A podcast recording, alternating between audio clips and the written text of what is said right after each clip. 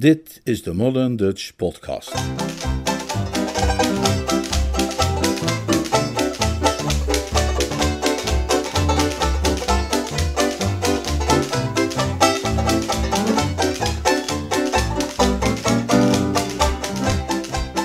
Een man van eer. Een Jeeves-roman van P.G. Woodhouse, The Code of the Woosters. Vertaald en voorgelezen door Leonard Beuger. There she is, there she is, there's what keeps me up at night. Oh gee whiz, oh gee whiz, there's why I can't eat a bite. Those flaming eyes, that flaming youth. Oh mister, oh sister, tell me the truth. Cause when I'm paddling, paddling home. Gee, when I'm Hoofdstuk 4b. Dominee, zei ik. Hulppredikant? Maar Stiffy, je kunt een man van God toch niet vragen om politiehelmen voor je te gaan stelen? Waarom niet? Nou ja, dat is heel eh, ongebruikelijk. Straks wordt de arme man uit zijn ambt gezet. Uit zijn ambt gezet? Ja, dat, dat doen ze met geestelijken die op zulke fratsen worden betrapt. En dat gaat vast en zeker gebeuren bij de gruwelijke taak die jij, de eerwaarde Harold, hebt opgedragen. Nou, zo'n gruwelijke taak is dat toch ook weer niet? Je wilt me toch niet vertellen dat het echt een klusje is voor zielzorgers en pastores? Jawel, volgens mij is het in elk geval iets voor Harold. Toen hij nog aan Modeling College studeerde, voordat hij zijn roeping kreeg, haalde hij voortdurend zulk soort streken uit. De naam Modelen College sprak mij aan, want daar had ik zelf ook gestudeerd. Ah, komt hij van Modelen? Welk jaar? Misschien ken ik hem. Ja, natuurlijk ken je hem. Hij heeft het heel vaak over jou. En hij was helemaal blij toen ik zei dat jij hierheen kwam. Harold Pinker. Ik stond stom verbaasd. Harold Pinker. Onze eigen Pinker, de Stinker Pinker. Goeie genade, een van mijn beste vrienden. Hoe vaak heb ik me niet afgevraagd waar hij was gebleven? En nu blijkt hij stiekem dominee te zijn geworden. Zo zie je maar weer hoe waar het is dat de ene helft van de mensheid niet weet hoe de andere driekwart leeft. Pinker, de stinker, goeie hemel. Meen je nu serieus dat onze oude trouwe stinker tegenwoordig zielen hoedt? Ja, nou en of. En dat doet hij hartstikke goed. De jongens aan de top zijn reuze tevreden over hem. Hij kan elk moment in een prachtige eigen gemeente beroepen worden. En moet je dan eens opletten. Harold wordt gegarandeerd toch eens bisschop. Mijn opwinding bij het ontdekken van een lang verloren vriend werd langzaam weer wat getemperd. Ik keerde terug naar de praktische zaken van het moment. Ik werd ernstig. En ik zal u vertellen waarom ik zo ernstig werd. Het was natuurlijk goed en wel dat Stiffy de diefstal van een politiehelm het juiste klusje vond voor iemand als onze brave stinker. Maar zij kende hem niet zoals ik hem kende. Ik had Harold Pinker meegemaakt tijdens de jaren van zijn jeugd en gezien hoe hij was opgegroeid. Ik wist precies hoe hij was. Een kerel als een grote, onbehouden jonge Newfoundlander, altijd ijverig en vol van de beste bedoelingen, maar die het nooit of te nimmer lukte om wat dan ook netjes af te krijgen zonder brokken te maken. Kortom, hij was iemand die als er ook maar de geringste kans was om iets in het honden te laten lopen en zichzelf daarbij volkomen in de soep te werken, die kans altijd zonder meer zou grijpen. De gedachte dat juist hem de uiterst delicate taak was opgedragen om de helm van agent Oates te ontvreemden, deed mij het bloed in de aderen stollen. Hij had geen schijn van kans het daar zonder kleerscheuren van af te brengen. Ik dacht eraan hoe Stinker als jongen was geweest. Gebouwd naar zo ongeveer hetzelfde model als Roderick Spode, had hij rugby gespeeld, niet alleen voor onze universiteit, maar ook voor Engeland. En de kunst om tegenstanders in een modderpoel te smijten en ze vervolgens op hun nek te springen met schoenen met ijzeren noppen, verstond hij als geen ander, of hoogstens een enkeling. Als ik iemand nodig zou hebben om een handje te helpen bij het hanteren van een woedende stier, ah, dan zou hij de eerste zijn aan wie ik zou denken. En als ik per ongeluk terechtgekomen zou zijn in het ondergrondse hol van de bende van de Rode Spin, dan zou ik niemand liever door de schoorsteen me te hulp zien schieten dan de eerwaarde Harold Pinker. Maar bij het pikken van een politiehelm komt het niet uitsluitend aan op vechtlust en spierkracht. Daar is subtiliteit voor vereist.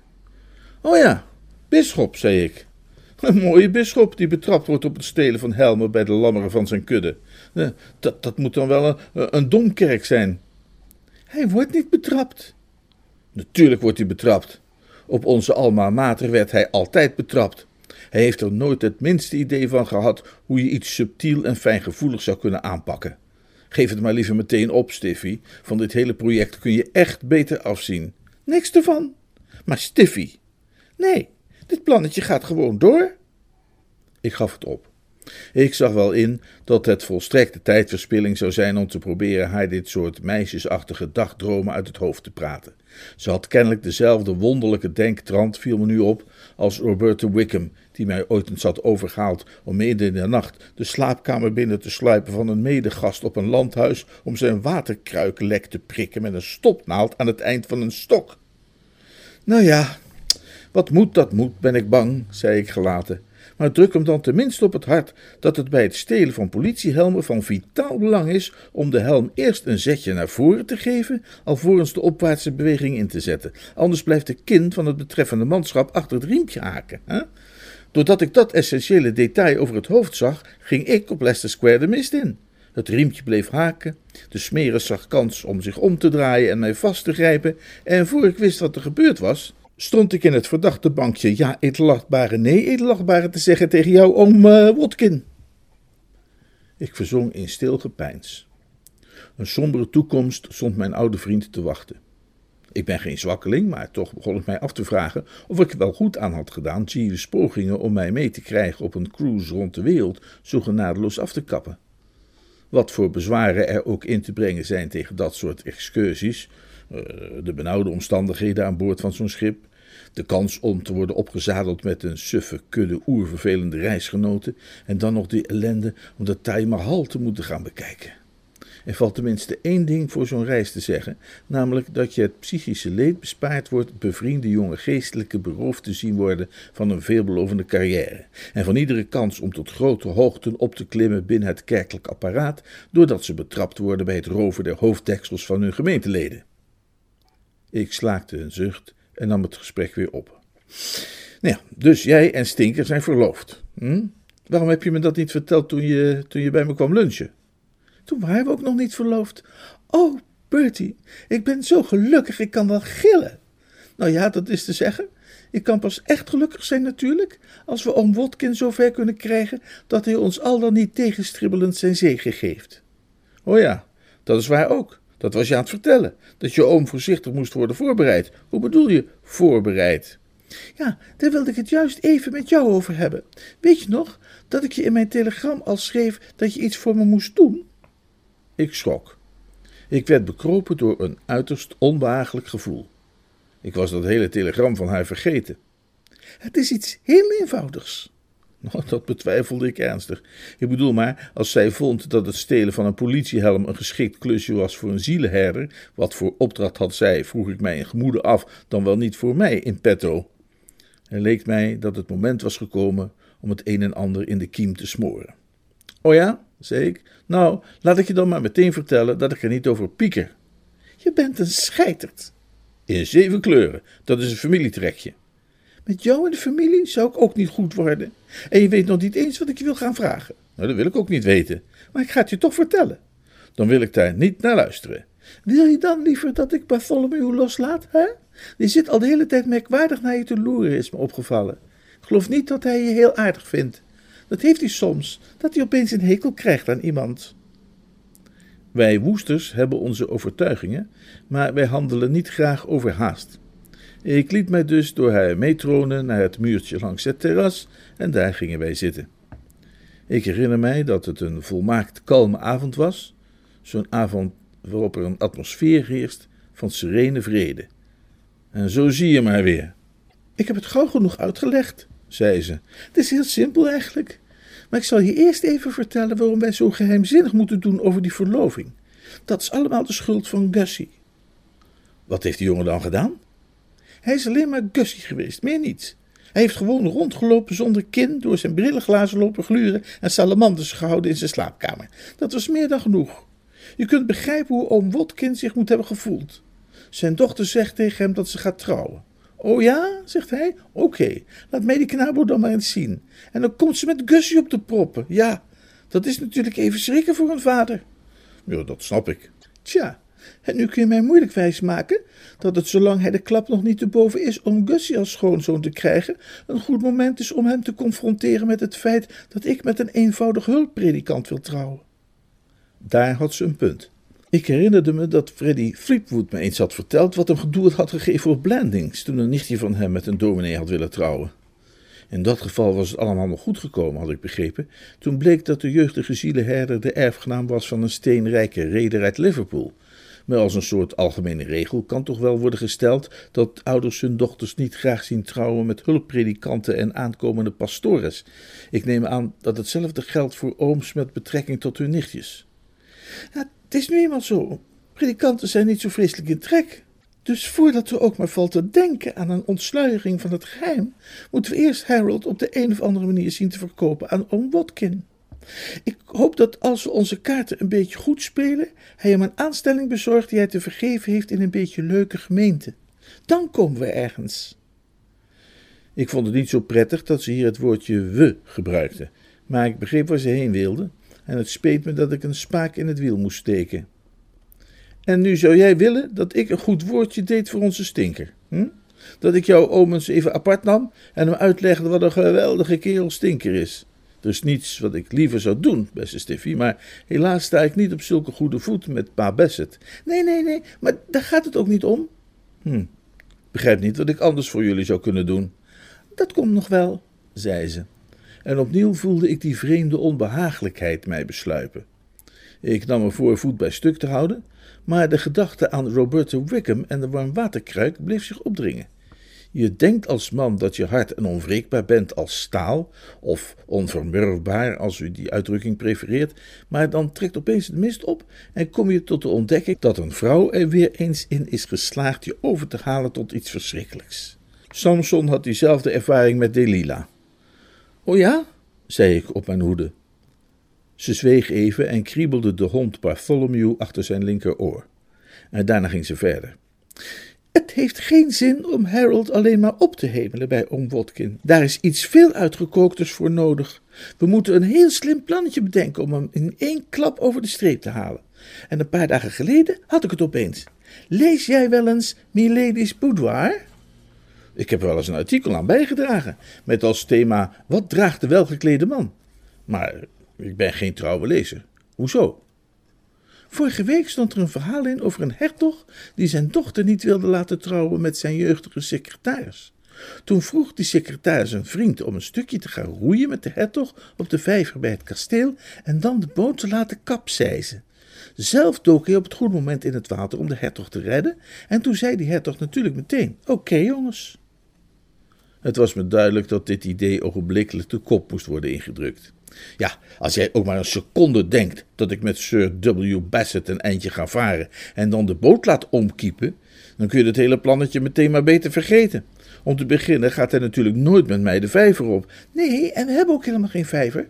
En Harold zei dat als ik de vijver in het dorp in gedachten had, ik het wel kon vergeten, omdat het in deze tijd van het jaar veel te koud is om in vijvers te duiken. Ja, Harold is in sommige dingen een beetje eigenaardig. Nou, ik heb anders alle bewondering voor zijn gezond verstand. Maar toen kreeg ik nog een idee uit een ander verhaal. Dat ging over een jongen die zijn vriend overhaalt om verkleed als een straatschooier de vader van zijn geliefde te overvallen, waarna hij dan zelf tevoorschijn springt om die vader zogenaamd te redden. Ik gaf een paar zachte klopjes op de rug van haar hand. Ja, wat er mis is met die ideetjes van jou, legde ik haar uit, is dat in al die verhalen de held een vriend heeft die niet erg goed snik is en die bereid is om zich voor hem in de meest lastige posities te manoeuvreren. Het verschil met Stinker is dat hij zo'n vriend niet heeft. Ik ben dol op Stinker. Je kunt zelfs rustig zeggen dat ik hem lief heb als een broeder, maar er zijn zeer scherp getrokken grenzen aan wat ik bereid ben te doen in zijn belang. Nou ja, het maakt niet uit, want ook over dat plan heeft hij zijn presidentiële veto uitgesproken. Iets over wat de kerkenraad zou zeggen als het uitkwam of zo. Maar mijn nieuwe plannetje, daar is hij erg voor. Oh, dus je hebt alweer een nieuw plan? Ja, en het is een geweldig plan, dan zeg ik het zelf. Het mooie ervan is dat Harold's aandeel erin hem nooit kwalijk kan worden genomen. Geen tiende kerkenraden zouden hem erop kunnen aanspreken. Het enige probleem is dat er iemand moet zijn die hem helpt bij de uitvoering. En totdat ik hoorde dat jij hier zou komen logeren, had ik geen idee wie we daarvoor konden vragen. Maar nu jij er bent, komt het helemaal in orde. Oh ja, joh? Nou, ik heb je al eerder gezegd, mijn beste Bing, maar ik wil het best nog eens even herhalen. Mij krijg je niet zo gek dat ik mij op wat voor manier dan ook zal inlaten met die waanzinnige plannetjes van jou. Oh, maar Bertie, dat kun je toch niet menen?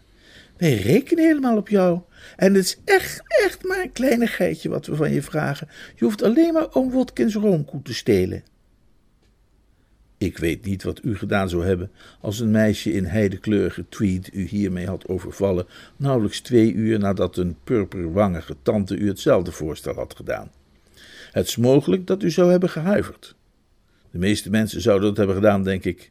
Persoonlijk was ik meer geamuseerd dan ontdaan. Sterker nog, als ik het me goed herinner, heb ik zelfs even gelachen. Als dat inderdaad zo was, was het me goed ook, want het was zowaar de laatste kans die ik voorlopig zou krijgen om te lachen. Oh ja? vroeg ik. Ga eens verder. Het leek me namelijk wel eens grappig om te horen hoe het kleine loeder zich dat voorstelde. Die roomkoe stelen?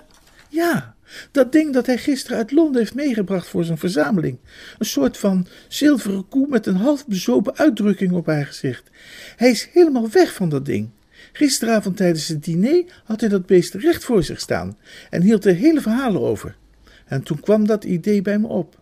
Ik dacht, als Harold dat ding nu eens zou kunnen stelen en daarna zorgde dat het weer terecht kwam, dan zou oom Watkin zo dankbaar zijn dat hij hele fonteinen van domineesposten zou beginnen te produceren als een IJslandse gijzer.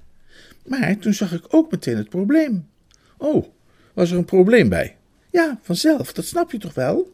Hoe moest Harold dan zogenaamd aan dat ding zijn gekomen?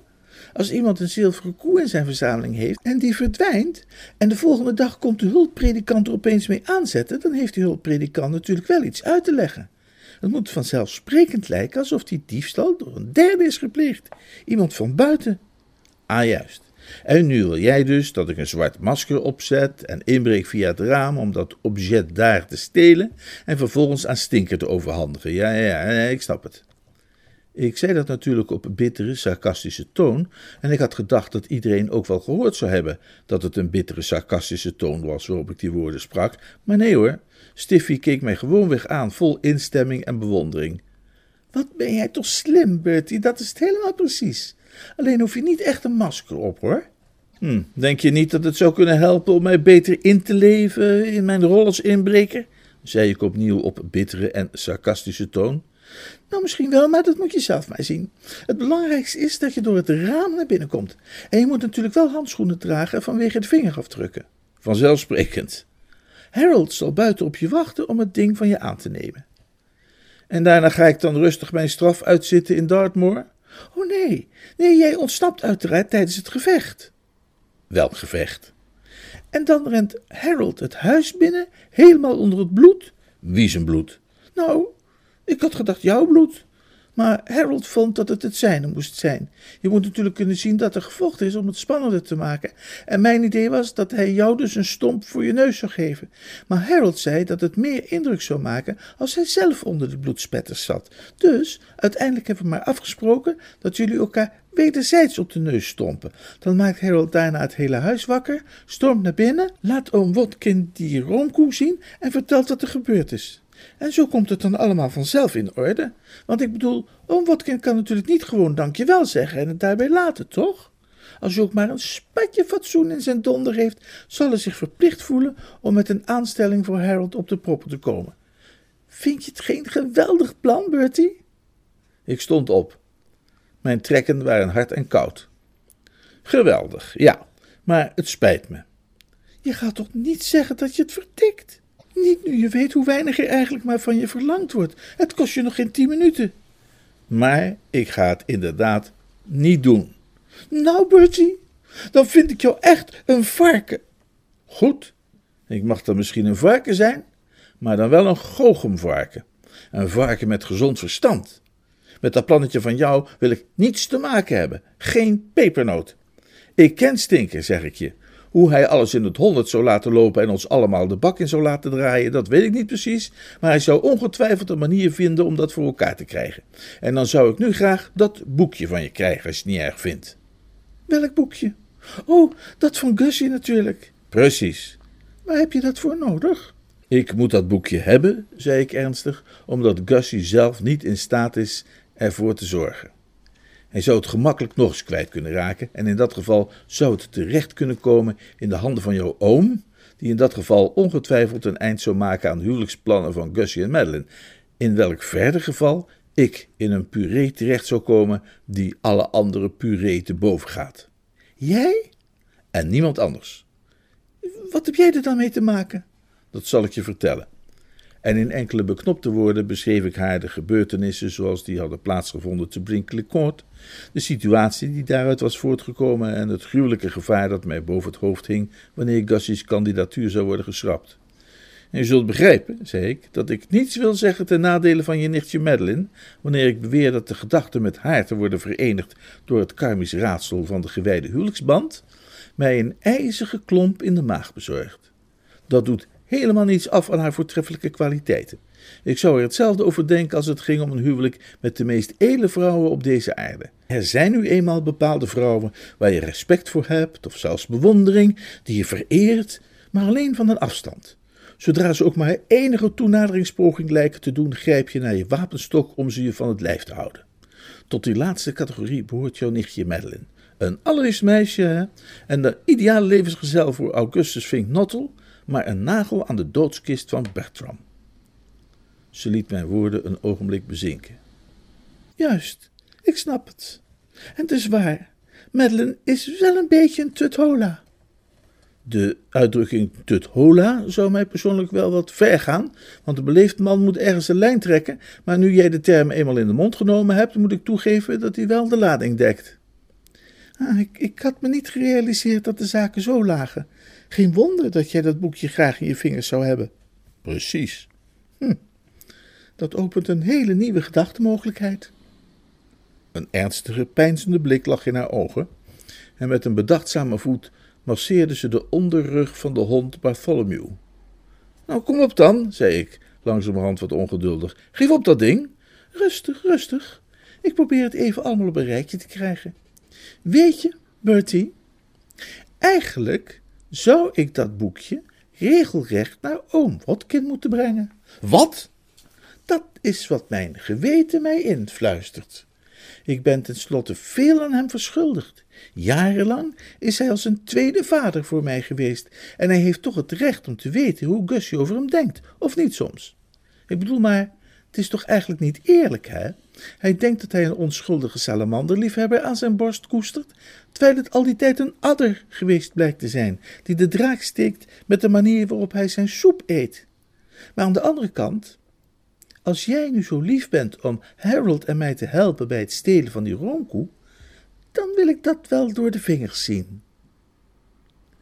Wij woesters zijn behoorlijk snel van begrip. Het duurde dan ook nog geen twee minuten voor ik doorhad wat ze bedoelde. Ik doorzag haar opzet en huiverde. Ze noemde de prijs van haar zwijgen. Met andere woorden, nadat ik bij het ontbijt gechanteerd was door een tante, werd ik nog voor het diner opnieuw gechanteerd door een goede vriendin.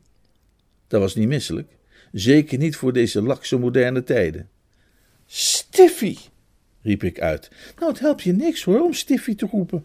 Ofwel je bent gehoorzaam en je doet wat je gezegd wordt, ofwel oom Wotkind vindt morgen bij zijn eitje en zijn kopje koffie wat lichte vermakelijke lectuur. Denk daar maar eens over na, Bertie. Ze hees haar hond Bartholomew op zijn poten en kuierde kalmpjes het huis binnen.